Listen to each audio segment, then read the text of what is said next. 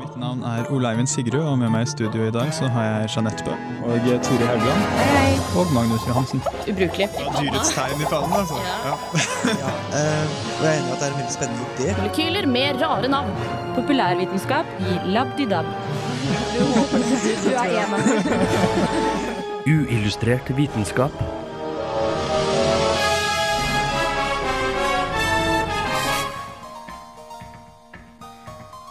Uka som gikk, har Ole Eivind vært produktiv på filmfestival i Tromsø og samla masse nyttig stoff til alle dere lyttere.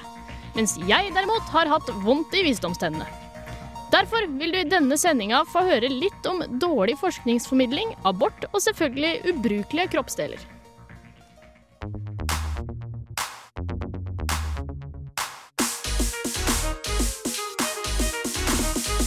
Hallo, hallo og velkommen til en ny utgave av eh, Uillustrert vitenskap her på Radio Revolt, FM 100. Der hørte du akkurat Crystal Clear med 'Tried for Your Love'. Det var en Hudson Mohawk-remix. Med meg i studio i dag har jeg den sniken Ole Eivind Sigrud. Hei, hei. Hei, hei. Og tekniker i dag er Arne By. Eh, du, Ole Eivind, har vært i Tromsø. Ja. Eh, var det fint? Det var veldig flott. Jeg var jo der på filmfestivalen. Oh, ja. Eh, skulle ja, mest eh, for moro, men så dro jeg også opp for å dekke da filmfestivalen eh, for eh, Filmofil. Eh, men så legger jeg merke til at det er en film som heter Sizzle, som blir sendt der av en filmskaper som heter Randy Olsen. Og da tenkte jeg da blir det litt uillustrert òg, da. Ja, for det, hva, hva dreier den filmen seg om? Ja, nei, eh, Randy Olsen han eh, er en eh, filmskaper som før var professor i marinbiologi. og siden så har han lagd to dokumentarfilmer i tillegg til noen sånn kortfilmer her og der. Da 'Flock of Dodos', som handlet om kreasjonisme og evolusjonsdebatten. Og så nå den siste som kom nå, er 'Sizzle', a global warming comedy, som da handler om ja, global oppvarmingsdebatten. Eh, Den er en slags blanding av eh, ja, en dokumentar og en sånn mockumentary, tulledokumentar, blandet med litt sånn reality-segmenter. Eh, så ja, interessant sak. Ja, Så den er, det, det er humoristisk? Ja, jeg, jeg fikk dessverre ikke sett den i Tromsø fordi den ble vist dagen før vi kom til byen. Ah. Men, men jeg gleder meg til å se den, og traileren virker artig. Men du har jo vært så heldig å få eh, intervjua godeste Randy Olsen. Eh, Og akkurat det har vi tenkt til å eh, få høre. Men først så hører vi Magnus Moriarty med 'Citadel' etc.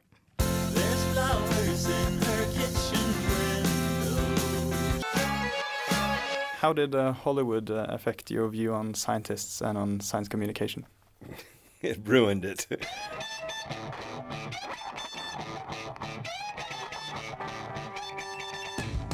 My name is Randy Olson. I am a scientist turned filmmaker.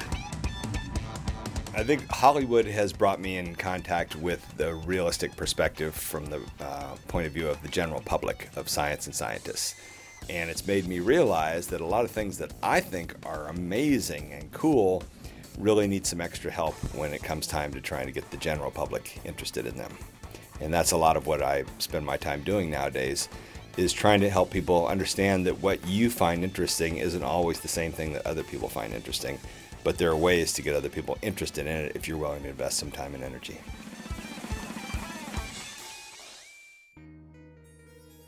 Randy Olsen er utdannet marinbiolog og jobbet lenge som professor før han flyttet til Hollywood for å begynne på filmskole. Siden har han laget flere kortfilmer samt dokumentarfilmene Flock of Dodos, The Evolution Intelligent Design Circus og nå Sizzle, A Global Warming Comedy. Disse filmene fokuserer mye på hvor dårlige vitenskapsmenn er til å formidle sin egen forskning. Men hvorfor er egentlig det så viktig? Communication is the future of science. Um, the past of science is the doing of science. But in the future, um, we're going to run into increasing problems of it's not even worth doing science anymore if you can't communicate it effectively because there are opposition groups that have developed to the science world that weren't there 10 or 20 years ago. And this is a relatively new phenomenon. Nobody ever planned in the world of science on the idea of people not respecting what you have to say. That's kind of implicit in the profession of science that when you find research and you get it published in a peer reviewed journal, that it's there for the rest of time and you don't have to defend it. But we've gone and developed a whole new society here.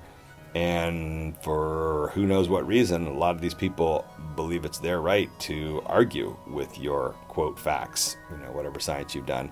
And so there's a large anti science movement that has developed. And if the science world doesn't figure out how to communicate against, with, or without those people, then they're going to be left behind. And the net result could be people conducting entire careers that mean nothing because by the end of their career, everything they've done has been reinterpreted by other people. Olsen mener ikke at vitenskapsmenn har skylden i oppblomstringen av pseudovitenskap, men at de absolutt er ansvarlige for at de ikke møter større motstand. You know, if you get up on a podium to give a speech and somebody starts to build a podium next to you to give an equal and opposite speech and you don't do anything to address an obvious developing problem, then you kind of are to blame yourself for, you know, allowing yourself to get in that sort of predicament. And that really is kind of the situation these days that there are these voices that are increasingly loud. It's absolutely the situation with, with climate issues in the United States, and that's why I made the movie Sizzle. And it still, to this day, boggles my mind the idea that these enormous science institutions right now are not being listened to by the general public. They're instead being listened to very, by very small special interest groups that are out there screaming and shouting. Vitenskapsformidling og kommunikasjon er også tema i boken Don't Be Such a Scientist Talking Substance in an Age of Style. Men hva mener han egentlig når han ber forskere være mindre forskete? As I wrote this book, Don't Be Such a Scientist, my older brother is a lawyer, and he kept saying to me, You could write the same book for lawyers. Don't be such a lawyer. And other people said that to me. You could write, Don't be such a doctor. Don't be such a businessman, anything like that. Every profession has its tendency to create myopia. And as you get more educated and advanced in the profession, you get more specialized, and you eventually get to the point where you can't communicate with anybody other than people that know the same language with you. So it's not like I've really singled scientists out for a single beating. Um, every profession has got that problem, and most of the characteristics, eh, all four of the chapters of the book, relate to any profession. Don't be so literal minded, don't be so cerebral, don't be such a poor storyteller, and be more likable. Ja, jeg syns han uh, hørtes litt ut som en sånn uh, filmskurk. Scientist turn filmmaker. jeg syns det var litt morsomt. Uh, men det har vist seg at det er ganske viktig med, med forskningsformidling i det siste. I hvert fall når det kommer til det her global oppvarming-tema. Ja. Også hvordan hvem som helst nå bare kan velge å, å stritte imot. Absolutt. For det, det, er jo helt tydelig at det, alle klimaforskere er jo helt enige. Altså det, det fins ja interne diskusjoner, men det går ikke på hvorvidt finnes global oppvarming eller eh, ja, har vi mennesker noe med det å gjøre osv. Eh, diskusjonen internt er mye mer eh, ja, nyansert enn det. Eh, men likevel så, eh, så, er det store deler av befolkningen som mener at nei, det hele bare er tull og tøys. Ja. Um, og da er det jo nokså åpenbart at eh, her er det forskere som ikke er flinke nok til å kommunisere forskningen sin. Ja, Eller ikke står på krava nok. Jeg syns de må protestere mer når det kommer tåpelige utsagn fra her og der. Ja, absolutt. Eh, det, det kommer jo eh, sånne på, påstander fra alle sider. Og det er sjeldent man ser sånn fryktelig mye motstand da, fra forskere. Det, det, er alltid noen som er flinke, men, men det er dessverre ikke nok. Eh, man ser også eh, f.eks. vaksineaksjonen eh, som blomstret opp rundt eh, svineinfluensatiden. Eh, de fikk jo eh, nokså grei oppslutning. Det skal jo sies at de fortsatt er i mindretall, men det er fryktelig mange som eh, sier ja, nei, jeg stiller meg veldig skeptisk til svineinfluensavaksinen. og det har nesten blitt en sannhet det at svineinfluensavaksinen den, eh, den, hadde bivirkninger, og den var det mange som ble skadet av. Mens ja, statistikken viser jo helt klart akkurat det motsatte. Den var helt trygg, og man har ikke noe dokumentert eh, dødsfall, f.eks., som ofte blir påstått. Eh, og bivirkningene er stort sett eh, milde og nøytrale. Men, men likevel så har man en uh, veldig stor del av befolkningen som mener det motsatte. Jeg er som... en av de. det Men det er pga. sprøyteskrekken. Ja. Ja. Um, her burde forskere vært enda flinkere. Uh, men også i denne saken så så man jo at det var uh, visse personer som uh, hadde innlegg etter innlegg i avisene. Um, og gjorde en kjempegod jobb der. Men jeg syns flere, flere forskere absolutt burde ja, formidlet budskapet sitt bedre. Ja. Men du var jo også i, på universitetet i Tromsø.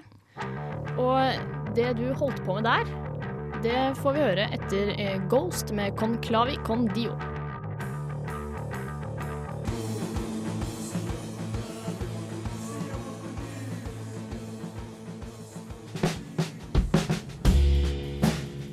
So you're,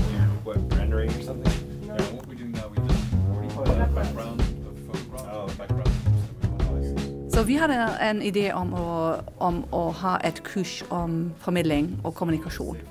Og så ble vi kjent med boka til han Randy Olsen, 'Don't Be Such a Scientist', men fant ut at han har en film uh, som handler om klimaforskning, som er veldig sentral her i forskningsmiljøet i Tromsø. Og da vi så filmen, tenkte jeg OK, kanskje det er noe for TIFF.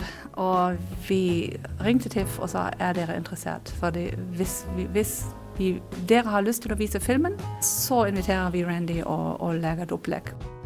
Jeg er Ute Fogel. Jeg jobber på Universitetet i Tromsø med et prosjekt som heter Tromsø High North Cluster. Og vi fant ut at Randy har også jobbet med studentene og videomaking workshops. Så ble det et helt prosjekt, uh, og vi satte i gang arbeidet og fikk det til å, å invitere ham hit. Og har organisert, jeg har organisert dette workshopet her for, for unge forskere her, her fra Tromsø, men vi har også internasjonale deltakere. Workshopen ble arrangert under Arctic Frontiers Young Scientist Forum. 25 unge forskere fra ti forskjellige land deltok, alle med fokus på nordområdene. Nå skulle de formidle god vitenskap ved å lage film. Dette var første gang Randy Olsen gjennomførte et slikt workshop i Europa. Men han har god erfaring fra USA. When we first began these workshops, I've been doing them for six years. And the first season we did it at Scripps Institute Oceanography, I warned all the faculty that we may be asking too much of the students here to try and get them to come up with ideas, vote, choose the five best, and then teach them in one afternoon how to use the camera and the editing system, and then give them one day to shoot the whole thing and a day to edit it and be done. And we tried it that first year, and by the time we got to the second day, the students were asking me to leave them alone. That they'd figured it out so well. They said, "We don't need you in here. We've already shot our footage. We're editing it. Um, we'll give us your cell phone number. We'll call you if we have a crisis." And that's how it works every year. And we've done this for six years now, and there's never been a single project that hadn't worked out. Det så også ut til å fungere utmerket ved Universitetet i Tromsø. This is a great group of ideas. I was very impressed with the pitches that they came out with. I mean, we had one student who got up and, and sang and danced for a musical that we're doing about salmon migration. So that's how crazy you can get. Laksemusikal? Hvem kommer på noe slikt? Hei, jeg heter Per Helge Nylund og jobber på Universitetet i Tromsø. Denne helga er jeg med på en workshop der vi lærer å lage vitenskapelig film. Vi fant ut at vi måtte lage film om laks. Um, og vi har jo oppdaga at laksen i de nordlige elvene oppfører seg litt annerledes enn laksen i sør.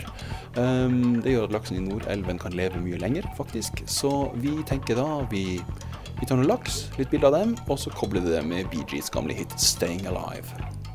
Dette blir en, en, en slags sing-along science, en uh, disko-karaoke-film der uh, folk lærer seg budskapet gjennom å synge med. Så hvordan var det å få opplæring av Randy Olsen? Det er jo veldig artig. Eh, Randy kommer jo fra USA. Det er klart Han har liksom Hollywood-bakgrunn, og vi ser jo at selv om vi skal lage en film på 60 sekunder, så vil han ha med, han vil ha med action og smell. Han vil ha arouse and fulfill, som han sier. Han vil at vi skal liksom egge opp publikum og, og utløse den store tilfredsstillelsen i å få svar på tingene, og gjerne kjøre litt dramatisk musikk og tjohei. Litt annen stil enn vi kanskje er vant til i Norge. Vi har sett mye naturfilmer fra BBC f.eks. De gjør det litt saktere. Men når man har bare 60 sekunder å gjøre på, så er det ganske greit å lære seg den, den kjappe og effektive metoden. Virkemidlene som tas i bruk, må også sies å være ganske forskjellige fra de vi er vant med fra BBC. Vår film er jo faktisk en eh, animasjonsfilm, en dukkefilm. Eh, vi måtte jo ty til eh, plysjlaks. Eh, Plysjlaksen Ester har hovedrollen. Um, så vi har gjort det hele på green screen, som det heter. Vi legger inn bilder av elver, vann og sånt etterpå. Ellers så er selvfølgelig musikken viktig hos oss. Uh, vi måtte jo også skrive om uh, teksten. Vi kunne ikke bruke Bee Gees originale tekst, så vi har skrevet en laksetekst til den. Så her er det sang og musikk og forskjellig. This is Alan Moore, and you're listening to Unillustrated Science. Ja, der hørte vi om eh, plysjlaksen Ester og disko-karaoke eh, fra da Ole Eivind eh, var på en eh, formidlingsworkshop. Ja, det, det så fryktelig artig ut. Eh, Det var i forbindelse med en eh, konferanse om eh, ja, eh, nordområdeforskning. Eh, Og der hadde de da denne workshopen for eh, 25 unge forskere. Stort sett eh, ph.d.-studenter eh, ved Universitetet i Tromsø, men også folk fra utlandet. Um, og det var jo, som de nevnte der, eh, nesten ingen av disse studentene som hadde, hadde drevet med noe eh, videoredigering eh, og eh, ja, filming før. Eh, så alt dette her skulle de eh, få til på tre dager, men eh, det så utrolig artig ut, og det virket som, eh, som eh, alle syntes dette var stor stas. Eh, disse videoene har nå blitt lagt ut på nett, så vi skal dele dem på Facebook-siden nå Ja. etter sending. Men eh, hva, hva syns du er en god vitenskapsdokumentar, Ole Eivind? Ja, nei, si det, det, det er nok så mangt. Men altså, personlig så er jeg en kjempestor fan av David Attenborough. Eh, Jeg har jo blitt eh, Hvem er ikke det? Ja, nettopp. Jeg eh, ja, tilbrakte veldig store deler av barndommen min ved å se på, se på hans dokumentarer. Og jeg liker også veldig godt Carl Sagans dokumentarserie Kosmos. Men jeg, jeg kan jo skjønne at nå for dagens publikum som ikke er vitenskapsinteressert allerede, så kan kanskje da spesielt Kosmos være litt sånn i tregeste laget. Um, men det er jo mange dokumentarer som gjør det da litt, litt friskere, litt artigere, uh, på en god måte. Uh, jeg vil faktisk trekke frem Mythbusters der. Det er jo ikke ren uh, vitenskap til enhver tid, men, men de, ja, for, de formidler det de ønsker å formidle på en god måte, og på en veldig underholdende måte. Men så um, kommer den balansegangen da, mellom det å formidle noe klart og tydelig, men enkelt, og det å dumme noe ned. Um, og det er veldig mange som har prøvd å etterligne Mythbusters i ettertid, Ja. som har endt med å bare dumme det ned. Uh, man kan jo f.eks. nevne Brainiac, som, uh, som det, det, det hele går stort sett ut på å vise en svær eksplosjon. Jeg er akkurat like glad i å se store eksplosjoner som neste person, men, men eh, god populærvitenskap vil jeg ikke si det er. Så det, det er en fin balansegang som er vanskelig å få til. Da. Men hvordan har egentlig han eh, Randy Olsons eh, dokumentarer blitt uh, mottatt? Ja, nei, det, det har også vært litt, eh, litt eh, blandet. Uh, Flock of Dodos uh, ble generelt eh, godt mottatt. Um, den gikk jo da Den ble litt sånn Det var en del forskere som ikke var så veldig happy med at forskere ble fremstilt litt sånn eh, ikke veldig positivt. Eh, fordi mye av den dokumentaren går jo nettopp ut på at forskere er ikke flinke nok til å formidle. Eh, han sier jo rett ut at de har jo helt rett, men, men de er ikke flinke til å fortelle hvorfor. Mens Sizzle, den, den har blitt veldig delt. Den har fått gode anmeldelser fra mye av pressen og veldig mange av sånn vanlige filmpublikummet. Mens eh, forskere og, eh, og vitenskapsjournaler osv. har jo eh, ofte slaktet den. Det var jo en gruppe med 70, 70 tror jeg det var, vitenskapsbloggere som fikk preview previewe den, og de var virkelig ikke forsiktige med kritikken. Og det går jo antagelig litt på hva, hva er det man forventer. Det er jo, som jeg nevnte, en blanding av en tulledokumentar og en dokumentar. Eh, Den tar opp litt eh, av klimadebatten og får jo frem eh, antagelig eh, hva, hva som stemmer. Men det meste av filmen går jo ut på eh, Det er en historie om at Randy skal lage en film om global oppvarming, men det er ikke noe interesse for det. Og så kommer noen produsenter som sier at de skal gå med, men de skal finne på mye tull rundt den. da. Eh, I tillegg, så for å få inn den reality-biten, sånn at eh, så har de da en kameramann som egentlig er en standup-komiker.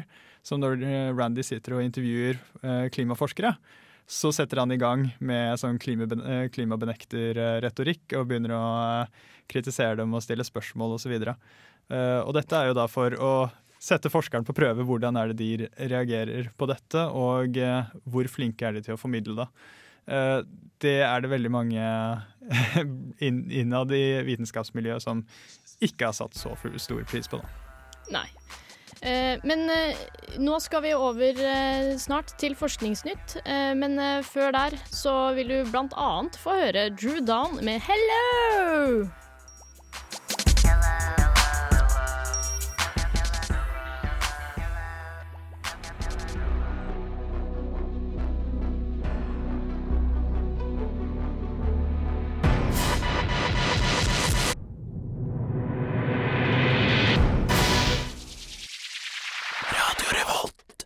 Der hørte du den fantastiske In the Hall of the Mountain King av Trent Reznor, fyren i Nine Inch Nails, og Atticus Ross, eh, eller Dovregubbens hall i nye klær, som vi liker å kalle det på norsk. Eh, det var jo filmmusikken fra The Social Network. Fun fact der. Eh, jeg har lovt bort eh, Forskningsnytt, og det skal vi selvfølgelig få nå. Uillustrert vitenskap presenterer Forskningsnytt.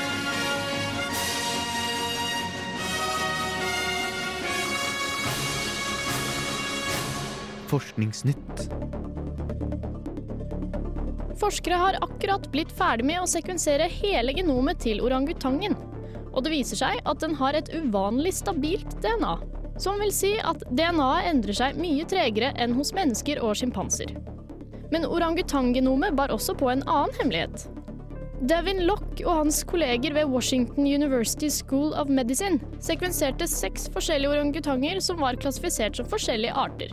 Som viste seg å ha skilt lag for 400 000 år siden i stedet for en million år siden, som først antatt.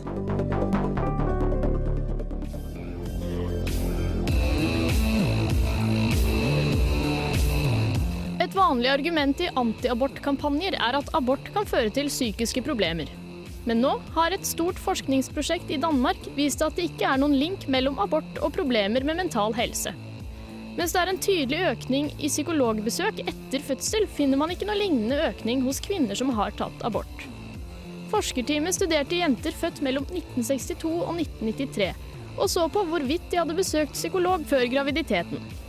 Det viste seg at kvinner som tok abort, hadde større sjanse for å ha hatt psykiske problemer allerede før graviditeten. Men mens den største økningen i psykiske problemer fant sted hos kvinner som fullførte svangerskapet.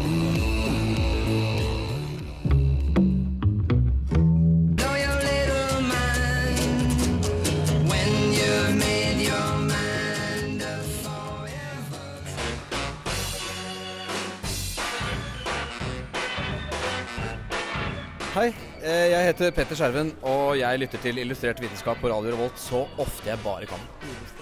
Uillustrert. Veldig bra. Hei, jeg heter Petter Skjerven, og jeg lytter til Uillustrert vitenskap på Radio Revolt så ofte jeg bare kan. Sunshine Superman av Donovan var det vi hørte der. Og nå er det store spørsmålet for dagen er eh, hva vil du gjøre med orangutang-genene? Oleivind? Ole Eivind. Oi, eh, nei, si det. Um, hmm. Altså, vi kan jo alltids uh, lage noen morsomme paringer av et eller annet, men, uh, men uh, eventuelt bare klone veldig mange av dem, eh, sånn at de ikke blir utrydningstruet lenger. Eh, eventuelt kanskje det spenstigste av alle, så kan vi jo eh, manipulere dem for å lage litt sånn krigeraper, som da sånn de rødhåringene kan ta over verden. Bra. Bra forslag. Ja. Eh, en annen glad-nyhet jeg tok opp der, var eh, eh, om abort. Og nei, du blir ikke deprimert eller ødelagt av å ta abort. Abort er sunt. Nei, altså, det, det, går, det er ikke farlig. Ja, altså i hvert fall ikke Psykisk. Ja, det fører ikke til psykiske lidelser. Eh, og det studiet der kom selvfølgelig fra Danmark, eh, og det er ikke tilfeldig. Selvfølgelig. Eh, fordi Danmark de har em, diverse sånne sentralregistre, så i dette tilfellet så er det en sånn psykiatrisk sentralregister, som da em, ja, er et register over all psykiatrisk behandling på alle dansker. For det er ganske spesielt at forskere bare kan gå i et arkiv og bare finne ut hva, hva kvinner født mellom 1962 og 93 har bedrevet med hos eh, leger og eh, psykologer. Det er i hvert fall ganske unikt. Eh, Nå, nå skal det jo sies at det er jo ikke sånn fritt frem for hvem som helst å snoke i disse registrene. Nei, nei. Men hvis man har et tilstrekkelig interessant forskningsprosjekt, så kan man få tillatelse til å hente ut akkurat de dataene. Så de er jo anony- anonymisert osv., men Ja. du kan hente ut den dataen du trenger. Og det er utrolig gunstig. Og du la jo da merke til blant annet i eh, den vaksineautisme-greien, at eh, Danmark kom med et stort studie som viste at det ikke var noe sammenheng der. Ja, men nok om Danmark. Eh, nå er det Deep Purple med Demon's Eye.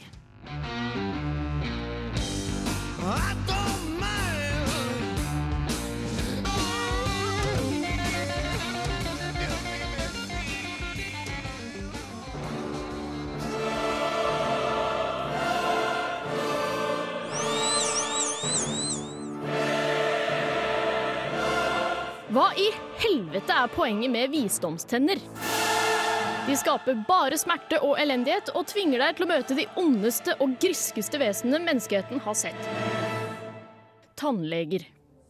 Og hva med blindtarmen, lilletåa, halebeinet og brystvorter på menn?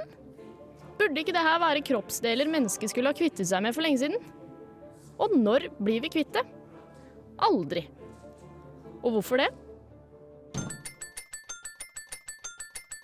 Den kanskje største plagen av disse unyttige kroppsdelene, nemlig visdomstennene, kan heldigvis være på vei ut av menneskets kjeve. Men det vil ta millioner av år. Så vi kan ikke forvente oss å slippe unna den stygge tannlegeregningen med det første. Både blindtarmen og visdomstenner hadde en nytte da vi fremdeles spiste blader. Men i motsetning til visdomstennene har blindtarmen klart å utvikle seg til å være nyttig.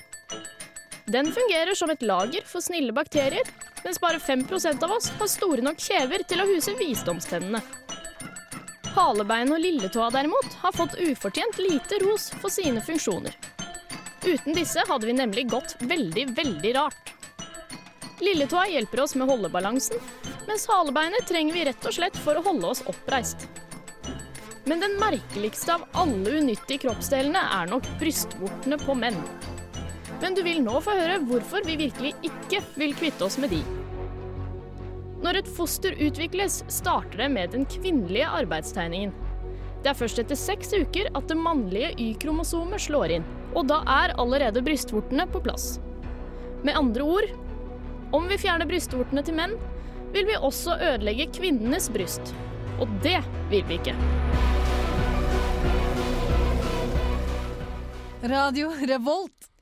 Der fikk vi enda litt mer Dovregubbes hall. Og da eh, får vi òg høre hvilken film jeg og Leivind har sett i det siste.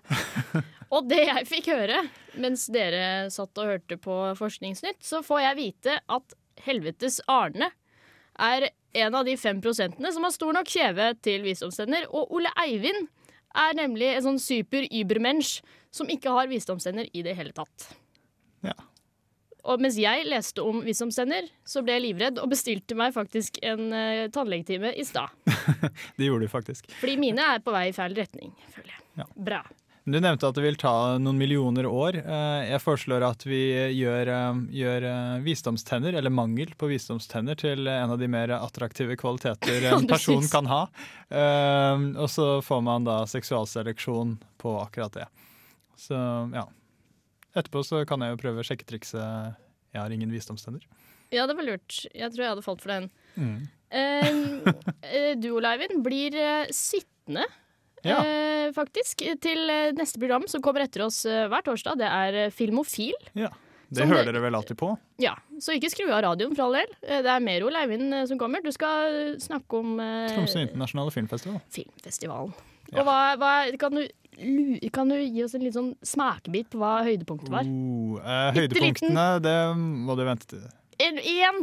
Men jeg kan nevne at jeg, jeg så jo en av filmene ved TIFF som ble nominert til Oscar. Ved TIFF. Ja, eller ved Tromsø internasjonale filmfestival. TIFF. Oh. Ja, vi, ja, lingo her. Ja, ja Mm. fl flott. Eh, men Så eh, nei, det er mye bra der. Um, så en god del eh, fine dokumentarer og eh, en god del andre fine filmer. Og en stumfilmkonsert. Det må man alltid ha med seg. Ja. Men eh, vi begynner å gå tom for tid, og da er det jo eh, rett og rimelig å minne dere på podkasten vår. Som, eh, dere er, som er å finne på eh, iTunes, eller den derre RSS-saken på radiorevolt.no. Slash Eh, podkast. Slash po- ja. eh, Og hvis du laster ned fra iTunes, så husk å rate med masse stjerner. Det syns vi er veldig ålreit. Eh, og så må jeg få lov til å takke tekniker Arneby, som er snill og har plass til visdomstenner. Og vi fader nå ut med Devon Who med With Milshire. Ha det Ha det bra. godt.